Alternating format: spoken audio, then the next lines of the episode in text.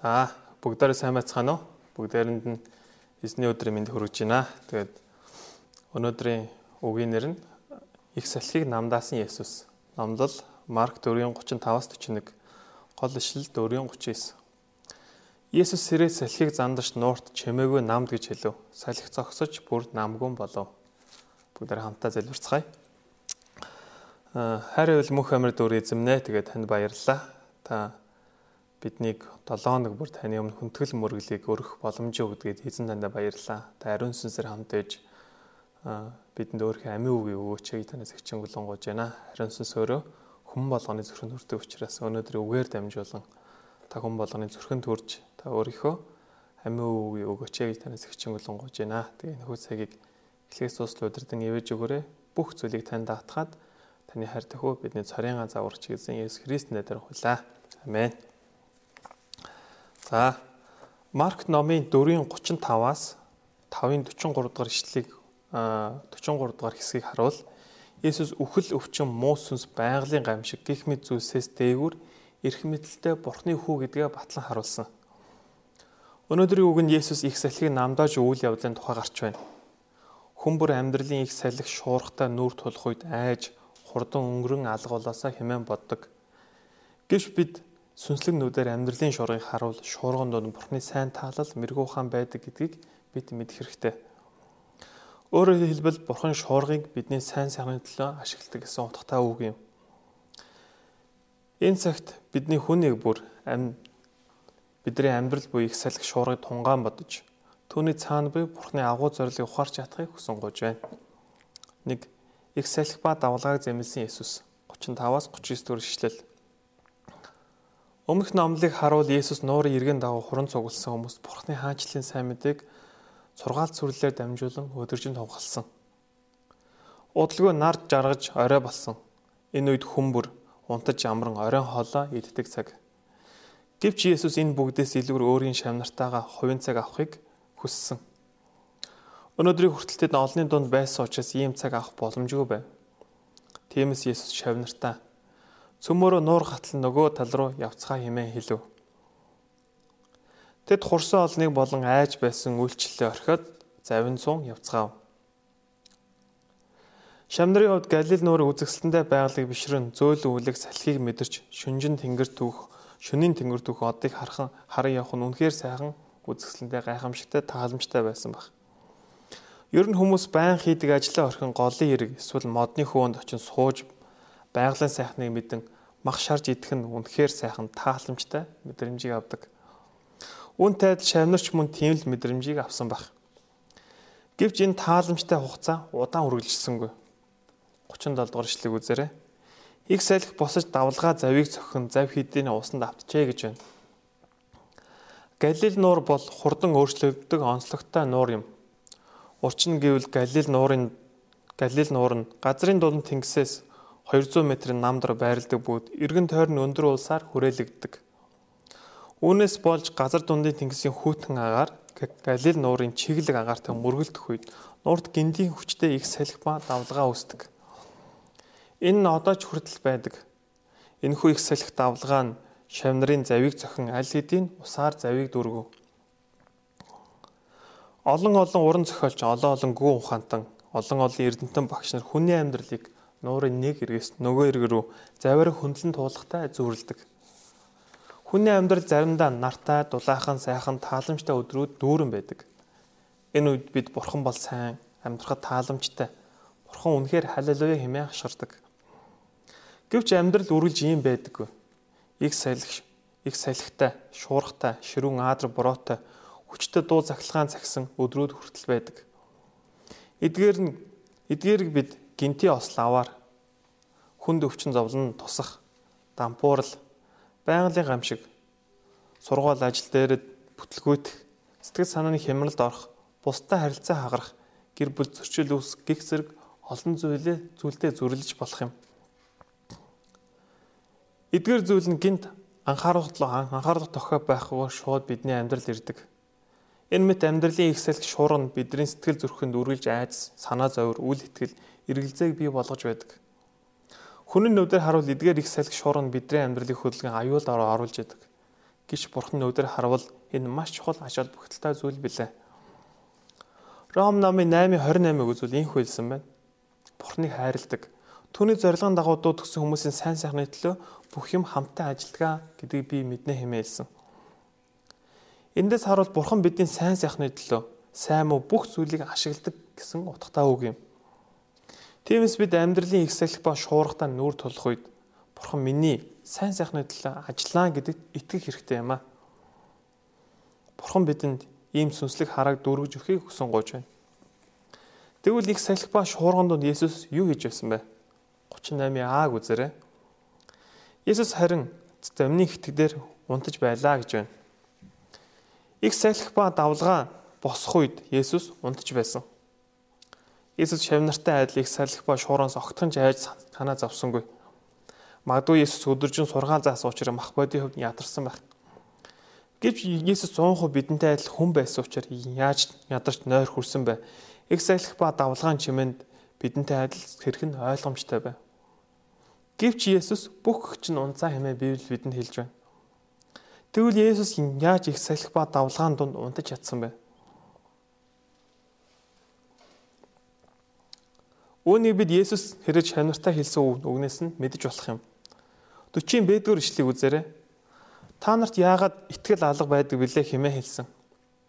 Эндээс харуул Есүс итгэл байсан учраас унтаж чадсан гэдгийг бид мэдэж болно.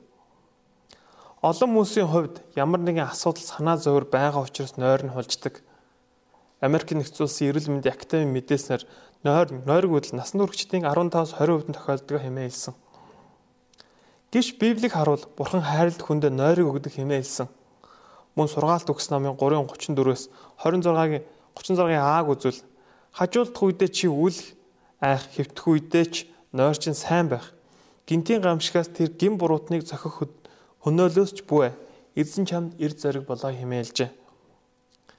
Тэгэхээр бид бурханд бүрэн итгэж чадвал альваас альва тэгэхээр бид бурханд бүрэн итгэж чадвал альва их саал салхи ба шуурганд ай санаа зовх зүйлгүй бөгөөд Есүстэй адил амар тайван байж чадна гэдгийг бидэнд заа өгч байна. Бурханд бүрэн итгэж найт нь хамгийн сайн эм бөгөөд бүтэн нойртой унтах нь ямар ч юмнээс илүү дээр юм. Тиймээс бид Бурханд бүрэн итгэж найцснаар аливаа их салхи ба давлгаан дунд Есүс шиг амар тайван бүтэн нойртой байдаг хүмүүс болохыг хүсэн гоож байна. Унтж буй Есүс хандан шавнар юу гэж хэлсэн бэ? 38-ийн Б үзээрэй. Тэд түүнийг сэрээд түүнд багшаа бидний сүрхэн танд хамаагүй хэмээн хэлжээ. Шамнарын хувьд эхлээд их салхи ба давлгаа янаас их хайж байсан. Эдгээр нь тэдрүүд маш том асуудал болж байна. Гэвч тэдний хэлж хэлж байгаа үгнээс харуул тэдний жинхэнэ асуудал нь Иесусийн хайранд эргэлзэн гэдгийг бид мэдж болно. Их салхи давлгаан донд Есүс өөрсдийг нь анхаарахгүй, хамгаалахгүй, халамжлахгүй байна хэмээн бодсон. Тэдний зүрх сэтгэл ба айдас ба эргэлзээ дүрсэн. Хэрэг бид Бурхны хайранд итгэвэл итгэвэл итгэж байл бидний амьдралд тулгаж буй асуудал өчүүхэн мэд харагдаж бид амар тайван байж чадна. Паул үүнийг маш сайн мэддэг байсан учраас Ром номын 8:35 37-д инх хэлжээ. Хэн бидний Христийн хайл хайраас салгах вэ? Гамшиг уу? Шахалт уу? Хавчлага уу? Өсөглөн үү? Нүцгэрэл үү? Аюул уу? Илд үү? Харин бид энэ бүхний дотор биднийг хайрладаг түгээр дамжин дагуулan дийлдэг хэмээлжээ. Есүсийн хавнарт одоохондоо ийм ийм итгэл хараахан байхгүй байсан учраас тэд айс сандраг сандарцгаас юм. Гэвч тэдний айсан дунд хийсэн хамгийн зөв зүйл бол Есүсийг сэрээсэн явдал юм. Бид сул дараа учраас бидний итгэл төгс биш байж болно. Гэвч их салхи ба шуурах тавд бурхан өөд бурхан өөрт найцсан итгэлийг хизээч үл тоомсралдгүй билээ. Тэр өөрийн хүүхдүүдийн гуйлыг заавалж сонсдог юм. Тиймээс бид зовлон бэрхшээл их салхи шуурга нүүр тулгойд бурхан хандан залбирх нь бидний хамгийн сайн хийх зөв үйлдэл билээ. Одоо энэ зөв 39 дэх эшлэгийг үзээрэй. Бүгдээр хамтдаа уншицгаая. Есүс сэрээс салхийг зандарт нуурч чимээгүй намд гэж хэлв. Салхи босож бүр намгүн болваа гэж байна. Эндээс бид Есүсийн үг эрх мэдэлтэй бөгөөд түүний мөн чанар бурхантай адил энэ тэнцүү гэдгийг бид мэдэж болно. Ямар ч хүн их салхи ба давлгааг зэмлж чадахгүй. Зөвхөн бүтээгч бурхан л үүнийг хийж чадах юм. Есүсийн үг бол Бурхны үг билээ. Тиймээс Есүсийн үг бүхэл төрлийн салхи шуурга давлаг намдаа хүч чадалтай эрх мэдэлтэй юм. Бид амьдралдаа хинийч төсөлж байгаа их салхи ба шууртан нүүр нүүр тулах үе байдаг. Хэрэг бид ийм зүйлд нүүр тулвал бидний хамгийн түрүүнд хийх ёстой зүйл нь шуургыг намдах, эс эрх мэдэл ба хүчтэй үгийг сонсох нь хамгийн чухал зүйл юм. Есүс чимээгүй намд хэмээн хэлэх үед их салхи ба давлгаа зогсож намгүй болсон. Үүнтэй адил бид амьдралдаа тулсан их салхи ба давлгааг намдах хүчин зөвхөн Есүсийн эрх мэдэлтэй үгэнд байдаг гэдгийг бид мэдэх хэрэгтэй. Тиймээс энэ цагт манай чуулганы хүний бүр амьдралын их салхи ба давлгаан донд Есүсийн эрх мэдэлтэй үгийг сонсдог сүнсэн нүд нүд чигтээ төлөвсөн хүмүүсээр өсөж чадахын хүсэн гуйж байна. Амен. Америк нэгдсэн улсын Аризона мужид Давид Ким хэмээх нэгэн хончин байдаг. Тэр илгэний хорт авдартай байсан бөгөөд халах их боломжгүй хэмээн хариу гарсан.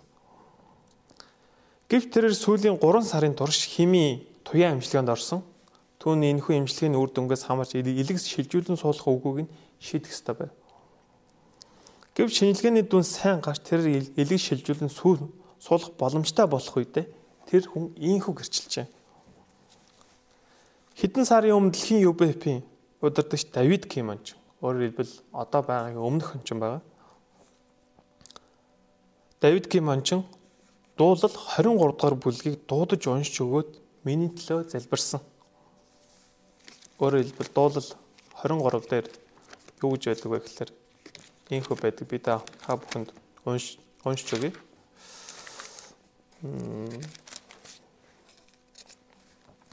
Эзэн бол миний хончин. Надад тутах зүйл үгүй. Ургамал ногоот бэлчээр тэр намаа хөвтүүлж, усын дөлгөөн тийч тэр намаа хөтлөн. Амийн сэтгэлийг минь тэр сэргээдэг нэрнийхөө төлөө та зөвийн замаар намайг хөтэлдэг. Үхлийн ханган хөндөөгөр туулсан ч хор муугаас би үлэн. Та надтай хамт агаад тайвшруулал минь таны саваа таны таяг билээ. Өстнүүдийн минь өмнө та надад ширээ засчээ. Өөрийн минь толгойг тосоор бас тосолжээ. Аяг минь дүүрч бэлхэнэм сайн сайхан хийгээд хайр инэрл инэрл тань насан туршид минь намайг лавтаяа дагнаа. Эзний өргөөнд би мөнхөд оршин сунаа. Амен. Энэхүү дуул 23 дугаар бүлгийг уншиж өгөөд Давид Ким аа Давид Кимончны төлөө залбирч өгсөн байна.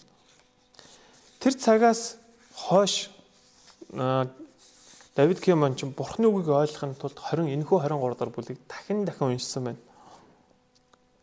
Дахин дахин уншиж явах явцдаа тэр онч нэгэн зүйлийг ойлгосон гэж.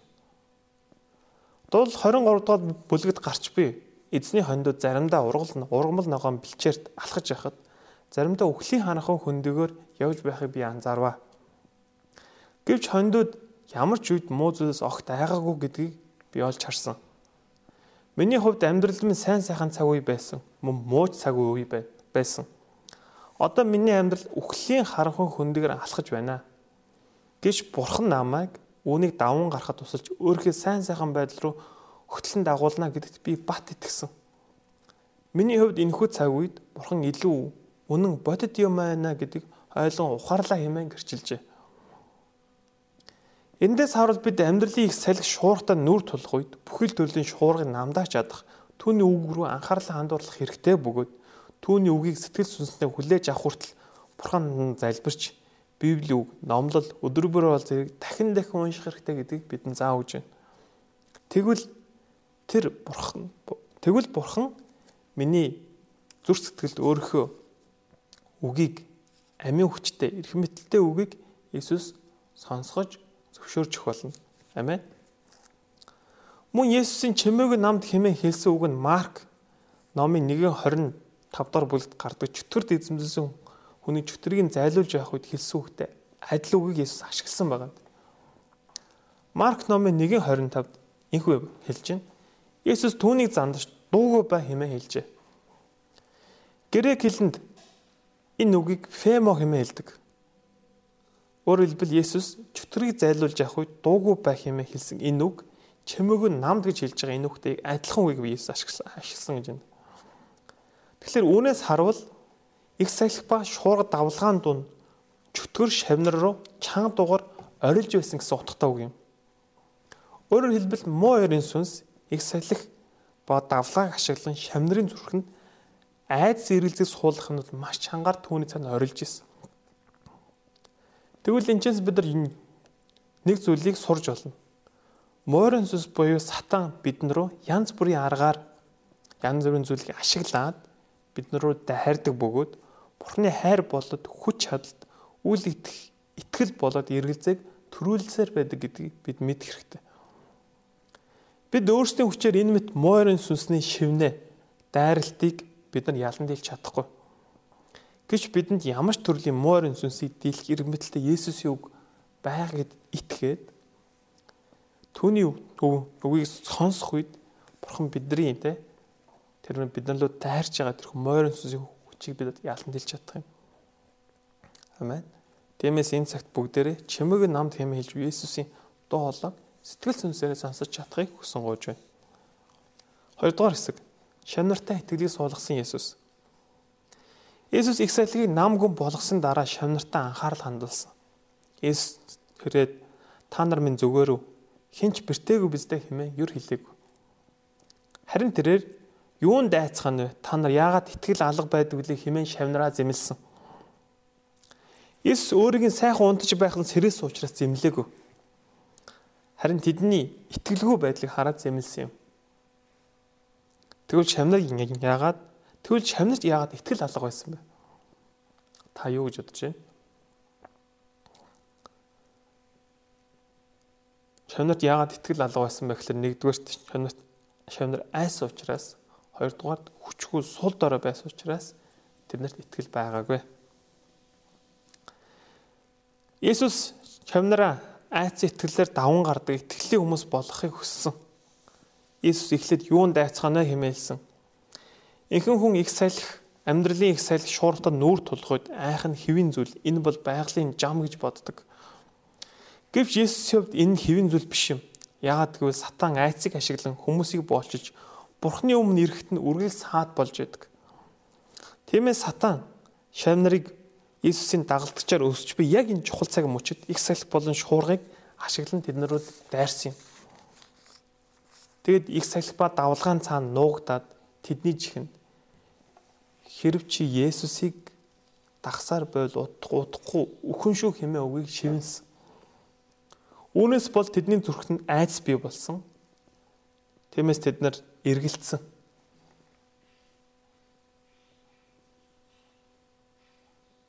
айцас болж хамнарт эргэлзээ болон эргэлзээ айц болон эргэлзээ бий болсон. Бид нар айдсыг өчүүхэн зүйл хэмээн харж болохгүй. Харин айдс бол сатааны сатан бид нар руу дайрдаг. Сатааны хувьд агуулгахт нь байдаг хамгийн нөлөөтэй багшнуудын нэг зэвсэг юм. Хуучин гэрээний тоолго номыг харуул Израиль ард түмэн Канан нутгийн хөлийн ойролцоо ирэх үед Мосе 12 туршуулыг илгээн тэр нутгийг тандуулсан байдаг. Гэвч хэсэг хугацааны дараа 10 туршуул муу мэдээ авч ирдэг тоолго номын 13-32-оос 33-ыг үзвэл тэр нутаг нь оршин суугчдаа цөлмөж иддэг нутаг бөгөөд тэнд бидний харсан бүх арт түмэн хэм арт түмэн хэмжээгүй том хүмүүс юм. Бид өөрсдөө нүдэн зарцаа мэт хэмээн хэлдэг. Энэхүү үгнээс болж а энэхүү туршуулуудын итгэлгүй үгнээс болж хүмүүсийн зүрхэнд айдас бий болон эцтэй арт түмнийг бурхны эсрэг гомдлоход хүргэдэг байна. Энэхүү үйл явдлаас бол Бурхны уур хөлн Израилийн эсрэг хөдөлдөг. Бурханд тэдний үл итгэлгүй байдалд нь маш нарийн нухацтай хандсан. Бурхан Үүнээс болж Бурхан Израильчуудыг 40 жилийн турш цөлийн замаар дагуулж Бурханд итгэлгүй хандсан Йошуа Калеб нараас бус бүх хүнийг цөлд өхөөсөн байдаг. Эндээс харуул итгэлгүй байдал нь Бурханы уур хилэн хөдөглөх хөдлөгдөг бөгөөд үүнд Бурхан маш нухацтай ханддаг гэдгийг бид мэдэх хэрэгтэй. Тэгвэл бид хэрхэн айцаа давн туулж давн дийлж чадах вэ? Юуны төрөнд би бурханд итгэлгүй хандах үед айц ирдэг гэдгийг бид хүн болон хүлээн зөвшөөрөх хэрэгтэй. Есүс шавнараа бурханд итгэх итгэлээр айцаа ялан дийлдэг итгэлийн хүмүүсээр өсөхийг хүссэн. Есүс биднийг ч мөн бурхны хайранд бүрэн төгс итгээсэй хэмээн хүсдэг. Нэгдүгээр яхон 4-ийн 18-аад хайр доор айц үгүй харин төгс хайр найцыг хөөн зайлуулдаг хэмээн хэлсэн. Энэ ишлээс харуул бид Бурхны хайранд бүрэн итгэх үед бидний зүрх сэтгэлээр айдас хөөн зайлдаг. Бид Бурхны үгийг сонсох тусам Бурхныг хайрыг таньж мэддэг бөгөөд түүний хайранд бид бүрэн итгэдэг. Бид амьдралын их салхи ба шуурган дунд Иесус үг ба дуулаг сонсож айдас ялан дэлдэх хүмүүс болохыг хүсэн гож. Амен. Иесус чанараа зөвхөн айцаа давн давн тулдаг хүмүүс болоос хэмээн хүсээгүй Харин бод амьдрал дээр итгэлийн хүчийг бодтоор биеэрээ амсаасаа хэмээн өссөн. Иесус та нарт яагаад итгэл алга байдаг билээ хэмээн хэлсүүг нь зөвхөн тэдний итгэлийг үл итгэлийг зэмлсүүг биш байсан. Энэ их сахилах ба шуурган донд итгэлийн хүчийг сурахад нь туссан үг байсан юм. Өөрөөр хэлбэл итгэл бол хий осон зүйл биш юм. Итгэл бол төгс бүрэн хүч чадалтай бурханд найдаж буй бодит зүйл билээ.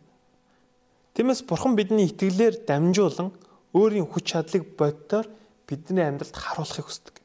Хэрэгжүүлэхийг хүсдэг. Библиэлд хүний хувьд олон зүйл боломжгүйч бурханд бүхий зүйл боломжтой хэмээн хэлсэн. Есүс мөн ийхүү хэлсэн байна. Бурханд итгэх түн үннээр би танарт хэлье. Хэрв та нар энэ уул нь тийш өргөгдөж тэнгист хаяд гэж хэлэхдээ зүрхэндээ эргэлзэлгүй харин хилж байгаа чинь бүтнэ гэдэгт итгүүл эн чинь биелэх болно хэмээлсэн. Бид бурханд итгэх үед бурхны хүчийг бод амьдрал дээр биеэрээ амсаж өөрийг хязгаарлагдмал сул дорой байдлыг бид агуулan хэлж чаддаг. Амен. Тэгэхээр бид бүгдээрээ те бурханд борин бүрэн бодит итгэлийг өргөснөөрөө Бурхны итгэлээр дамжуулан ирдэг итгэлээр дамжуулан Бурхны хүч чадлыг бодит амьдрал дээр хамсдаг хүмүүс болохыг хүсэн гуйж байна. Тэгвэл их сагл болон шуургыг намдааж би үйл явдлаа дамжуулан шамнырын хандлага ямар болсон бэ? 41-р эшлэгийг үзээрэй. Тэд маш их айж би биэнд салхи нуур хүртэл түн дуулахтаа тэр ер нь хин юм бэ хэмээн Одоо шамнарын үед их сахил болон шуурганаас айхаас илүүгээр Иесусээс илүү их айх болсон. Тэд Иесус хинбэ хэмээн асууж асууж бие биенээс эхэлсэн. Энэ цаг мөчөөс эхлэн шамнарын хувьд Иесус хинбэ гэсэн асуултыг зүрхсэлтэд тунгаан бодож Иесусийн тухай шин хараа, шин зүрхсэтгэл, шин үзэл бодол бодолтой болсон. Тэдний зүрхсэтгэл урам зориг, итгэлээр дүүрэн болцгоосон. Хожим нь энэ үйл явдлаас болж тэд Есүс бол амьд бурхны хүү байна гэдгийг хүлээн зөвшөөрсөн байдаг. Шамнар Есүсийн талаар мэдэх тусам илүү сүнслэг эрх мэдэлтэй хүмүүс болцгоосон юм. Үйлс номыг харуул тэд Есүст итгэх итгэлээр бүх төрлийн шуургыг даван туулж бүх дэлхийд тараах хүртлээр бурхны хүчийг боддоор амьдрал дээр амсдаг хүмүүс болцгоосон. Тэд Есүст итгэх үед тэд дэлхийг өөрчилдөг хүмүүс болцгоосон юм. Энэ цагт бид ч гэсэн Есүст бодит бодит итгэлийг өргөснөөрөө амьдралдаа Бурхны хүч чадлыг амсдаг хүмүүсээр өсөж чатах хүсэн гож байна. Амен. Дүгнэлт. Есүс амьдралын бүхэл салхи болон давлгаагаар дамжуулан бидний зүрхэнд итгэлийг суулгахыг хүсдэг. Бид ямар ч их салхи ба шуурган дунд Иесийн эрх мэдлийн үгийг сонсноор бүхэл төрлийн шурыг даван гардаг хүмүүсээр өсөж энэ цагийн авралын ажилд нандаа хэрэглэж чадахыг хүсэн гуйж байна. Амен. За би энэ цаг залбирая. Аа хайр байл мөнх амьд дүр эзэмнэ тэгээд танд баярлалаа. Энэ цагт их салхих болон шуурга намдаас Есүсээр дамжуулан аа бидний амьдралд тулгардаг тэрхүү их салхих болон шуурга нь биднийг өхүүлж биднийг үнэхээр зовоохон тул бас харин энэ нь бидний сайн сайхны төлөө байдаг гэдэг зүйлийг зааж өгсөн эзэнэндээ баярлалаа. Тэгээд эзэм бид ч их салхих болон шуургын дунд Түүнийг зөвхөн намдаач чадах Бурхны үг рүү анхаардаг. Бурхны дуу хоолойг сонсоход л хичээдэг тэр хүмүүс болгоод тусалж өгөөрэй гэж танаас хичээнгүлэнгууж байна. Эзэмнээ тэгээд бид бас амьдрал дээр бод итгэлийг танд харуулснараа таны хүч чадлыг бод дээр амсдаг хүмүүс болгоод туслаарай. Тэгснээрээ бид нар энэ цаг үеийн авралын ажилд бод дээр амьдралаараа гэрчилдэг Бурхны харлаг тэр хүмүүс болоход тусалж өгөөрэй гэж гуйж байна. Энэ цаг өгснөнд баярлалаа. Бүх зүйлийг танд даатаа таны хайр тэхүү бидний царийн заврагч гэсэн Есүс Христ нэрээр гуйлаа. Амен. За баярлалаа.